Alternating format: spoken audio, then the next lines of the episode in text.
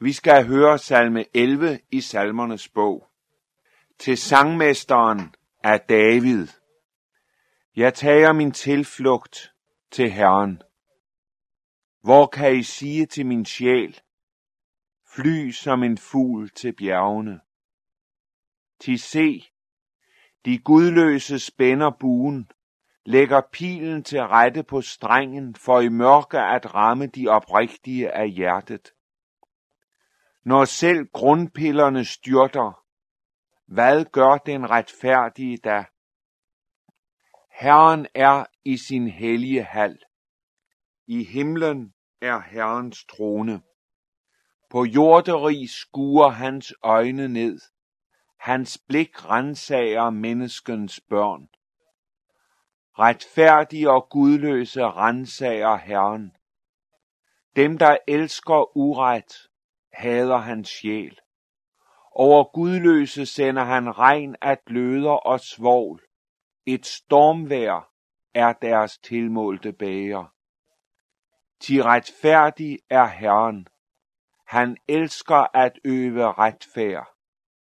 De oprigtige skuer hans åsyn.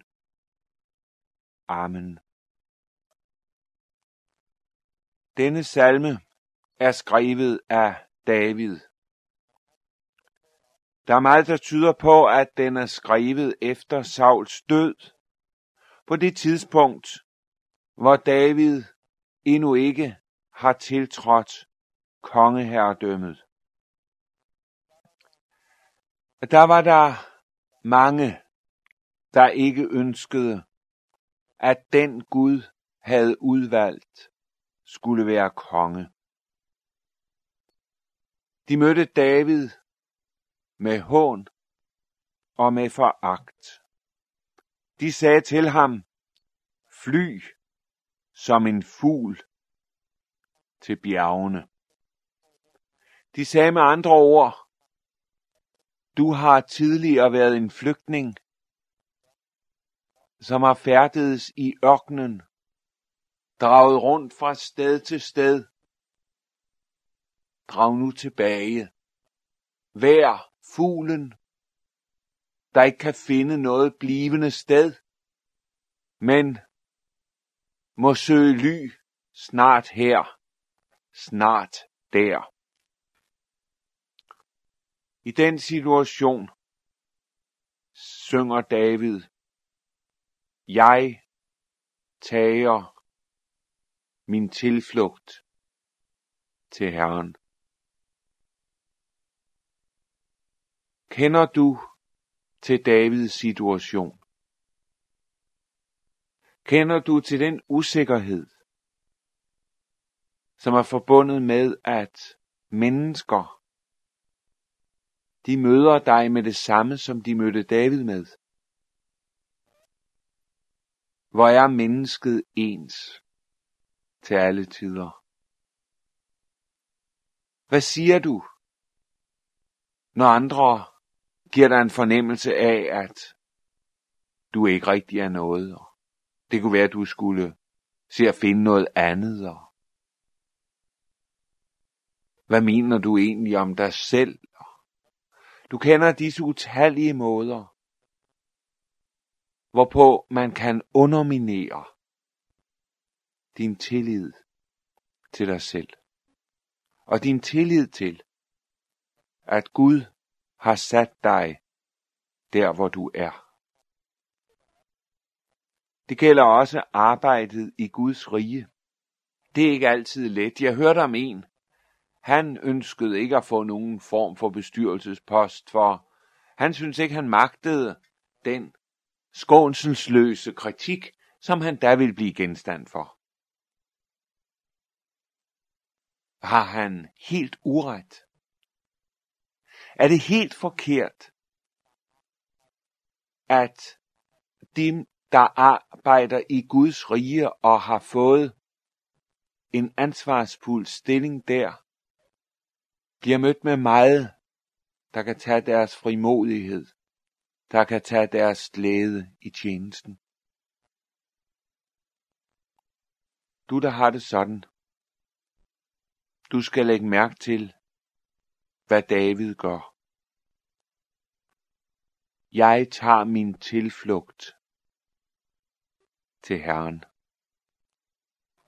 Så længe du er afhængig af andres meninger om dig, så længe du på en skjult måde er bestemt og dirigeret af de andre, så føres du dybere og dybere ind i usikkerhed. Du bliver mere og mere i tvivl om dig selv. Du bliver mere og mere rådvild. Mere og mere opgiven og modløs. Du skal gå en anden vej. Vejen David gik. Jeg tager min tilflugt til Herren. Det er ikke mennesker, du dybest set står til regnskab for. Det er Herren. Det er Gud. Det er himlens og jordens skaber. Jeg tager min tilflugt til ham. Der er nemlig en klippe, som yder en evig tilflugt. Der er en klippe, der er så stærkt, at når du fløjer derhen, så behøver du ikke vige derfra. For der kan ingen fjende, ingen modstander, ingen smeder nå dig. Det er hos Herren. Jeg tager min tilflugt til Herren. De gudløse, siger David, de spænder buen, og de lægger pilen til rette, for i mørke at ramme de oprigtige af hjertet. De går ikke åbenlyst til værks. Nej, de siger det ikke til dig selv, men de siger det til andre. Andre siger det så til dig. Det er i mørket, du bliver ramt. Det er underligt, men fordi du er oprigtig af hjerte, så skal du ikke tro, at du undgår kritik, at du undgår dom, at du undgår andres knusende meninger om dig. Nej, nej, og er der nej. Vi lever i en verden, der er utryg. Vi har det godt materielt. Det er få, der går sultne i seng. Det er få, der ikke har det daglige brød. Der er meget at glæde sig over i den sammenhæng. Men verden er utryg. Det rykker nærmere og nærmere ind. Og det hænger sammen med, at grundpillerne, de styrter. Vi har levet i et land, der har været præget af det kristne livs og menneskesyn. Har været, men ikke er. Det, der har været grundpiller i vores kultur, i vores forståelse, er det ikke længere. Grundpillerne, de vakler. Og det kan også få en retfærdig, det vil sige en, der hører Jesus til, til at spørge, hvad skal vi gøre? Hvordan skal vi dæmme op imod alt det, der møder os? Hvad skal vi gribe til? Hvordan skal vi komme igennem? Det gælder måske ikke mindst dig, som er ældre. For du har jo levet i en verden, som godt nok ikke var noget paradis. Men hvor der var ting, der stod fast. Også ting, som ikke længere gør det. Du kan spørge, hvor ender det? Der er der en ting, Gud vil have sagt dig. Og det er, at Gud er i sin hellige hal. I himlen er Herrens trone. Det står i vers 4, og sådan er det. Gud er i sin hellige hal. Der er en, der er på tronen. Du må ikke tro, at alt opløses, at alt flyder. Nej, Gud er Gud. Du må ikke tro, at Gud har mistet sin magt. Det gør han aldrig. Evigt er han, Gud Fader den Almægtige, himlens og jordens skaber. Gud er Gud, om alle land lå øde. Gud er Gud, om alle mand var døde. Det er Gud, der har det første og det sidste ord. Og magten i dag, den er hans. Den tilhører ikke noget menneske. Den er hans. Og her vil jeg sige et ord til dig modløse kristne. Jeg er så bange for, at du og jeg, vi ofte glemmer Gud. Vi tænker og taler, som om Gud ikke havde magt. Det har han. Al magt i himmel og på jord. Det du og jeg oplever, det skal ikke rokke det mindste i vores erkendelse af, at Gud har magt. Nej. Det vi skal være klar over, det er, at Gud han holder dom. Det er noget andet, end, han, end at han har mistet magten. Hans blik rensager menneskenes børn, som det står i slutningen af vers 4. Gud rensager. Det at rensage, det er at undersøge meget, meget grundigt. Gud undersøger meget, meget grundigt. Der er ikke noget, som han ikke gennemskuer. Alt ligger blottet og udbredt for hans øjne. Og ham skal vi og hvert eneste menneske stå til regnskab. Det du oplever, det er, at Gud holder dom. Og en side af Guds dom er, at han overlader mennesket til sig selv. Det er det, du møder i Romerbrevet kapitel 1, vers 18 til 31. Der hvor mennesket ikke regner det for noget værd at kende Gud, der giver Gud mennesket hen til sig selv. Der lader Gud mennesket løbe og køre sit eget løb. Og dette løb, denne kørsel, det er det du oplever.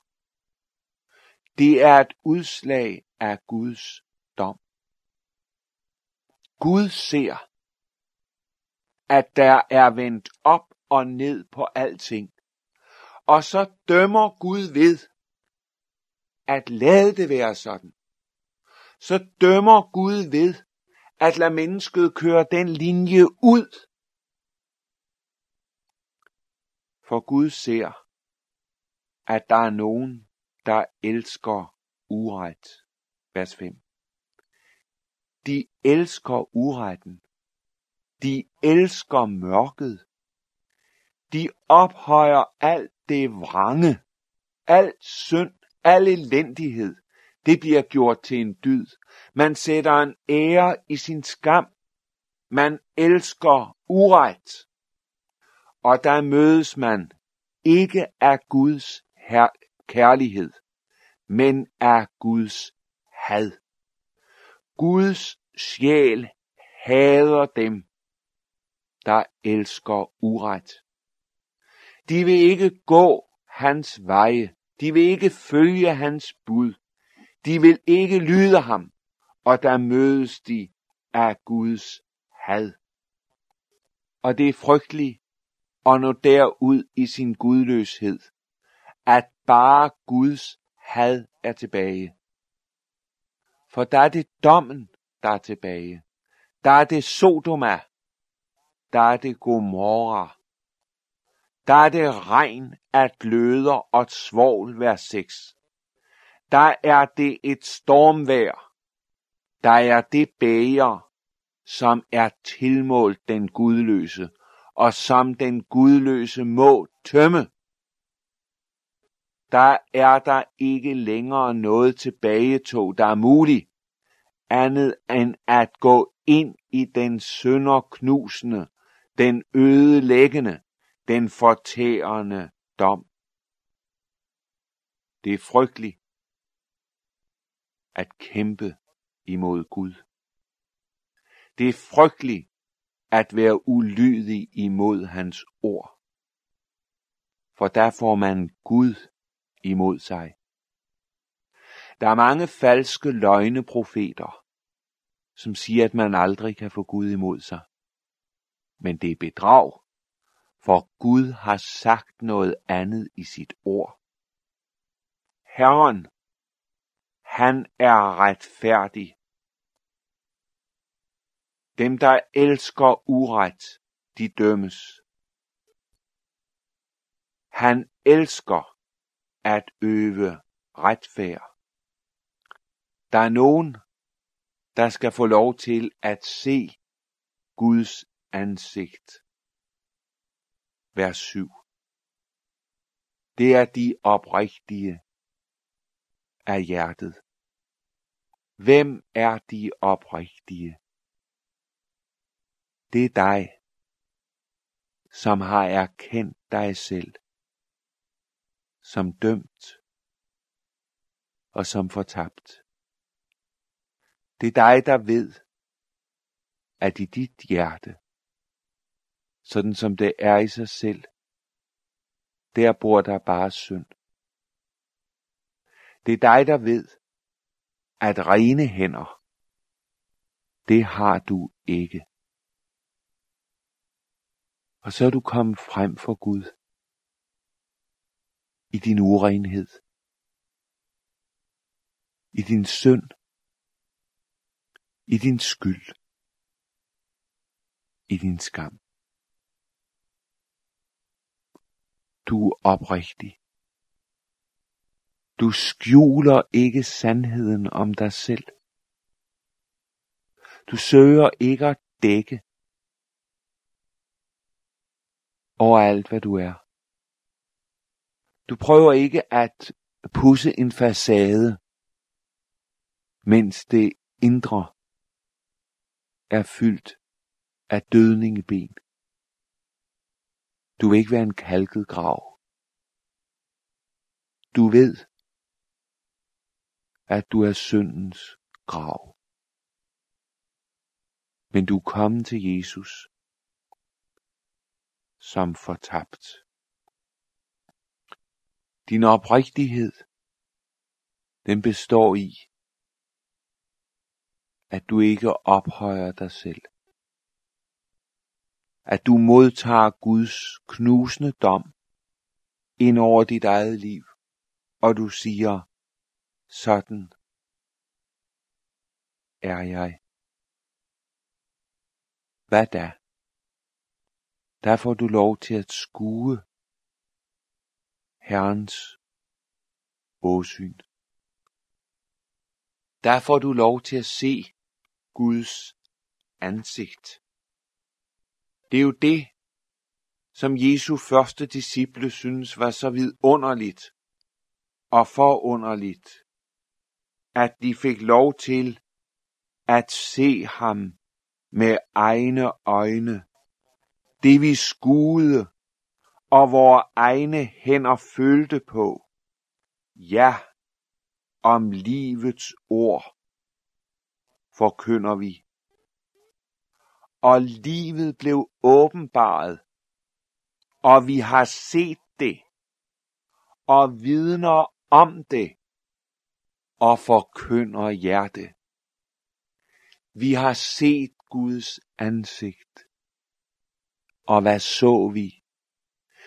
Vi så et blik, så fyldt af noget, så fyldt af kærlighed, så uendelig dybt.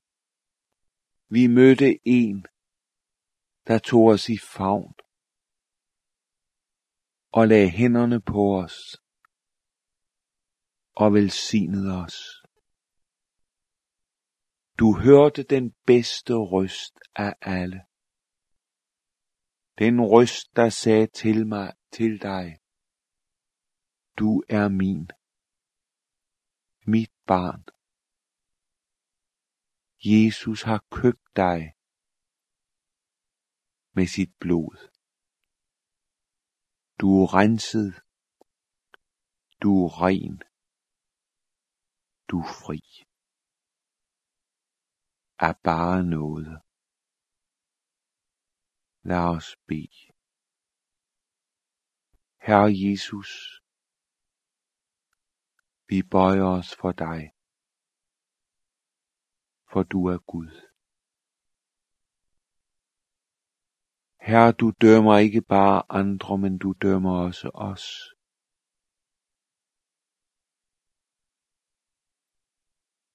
Herre, forkast os ikke men lad mig se dit ansigt. Lad mig se dig, som bar tornekronen for mig. Lad mig se dig, der har købt mig fri. Amen.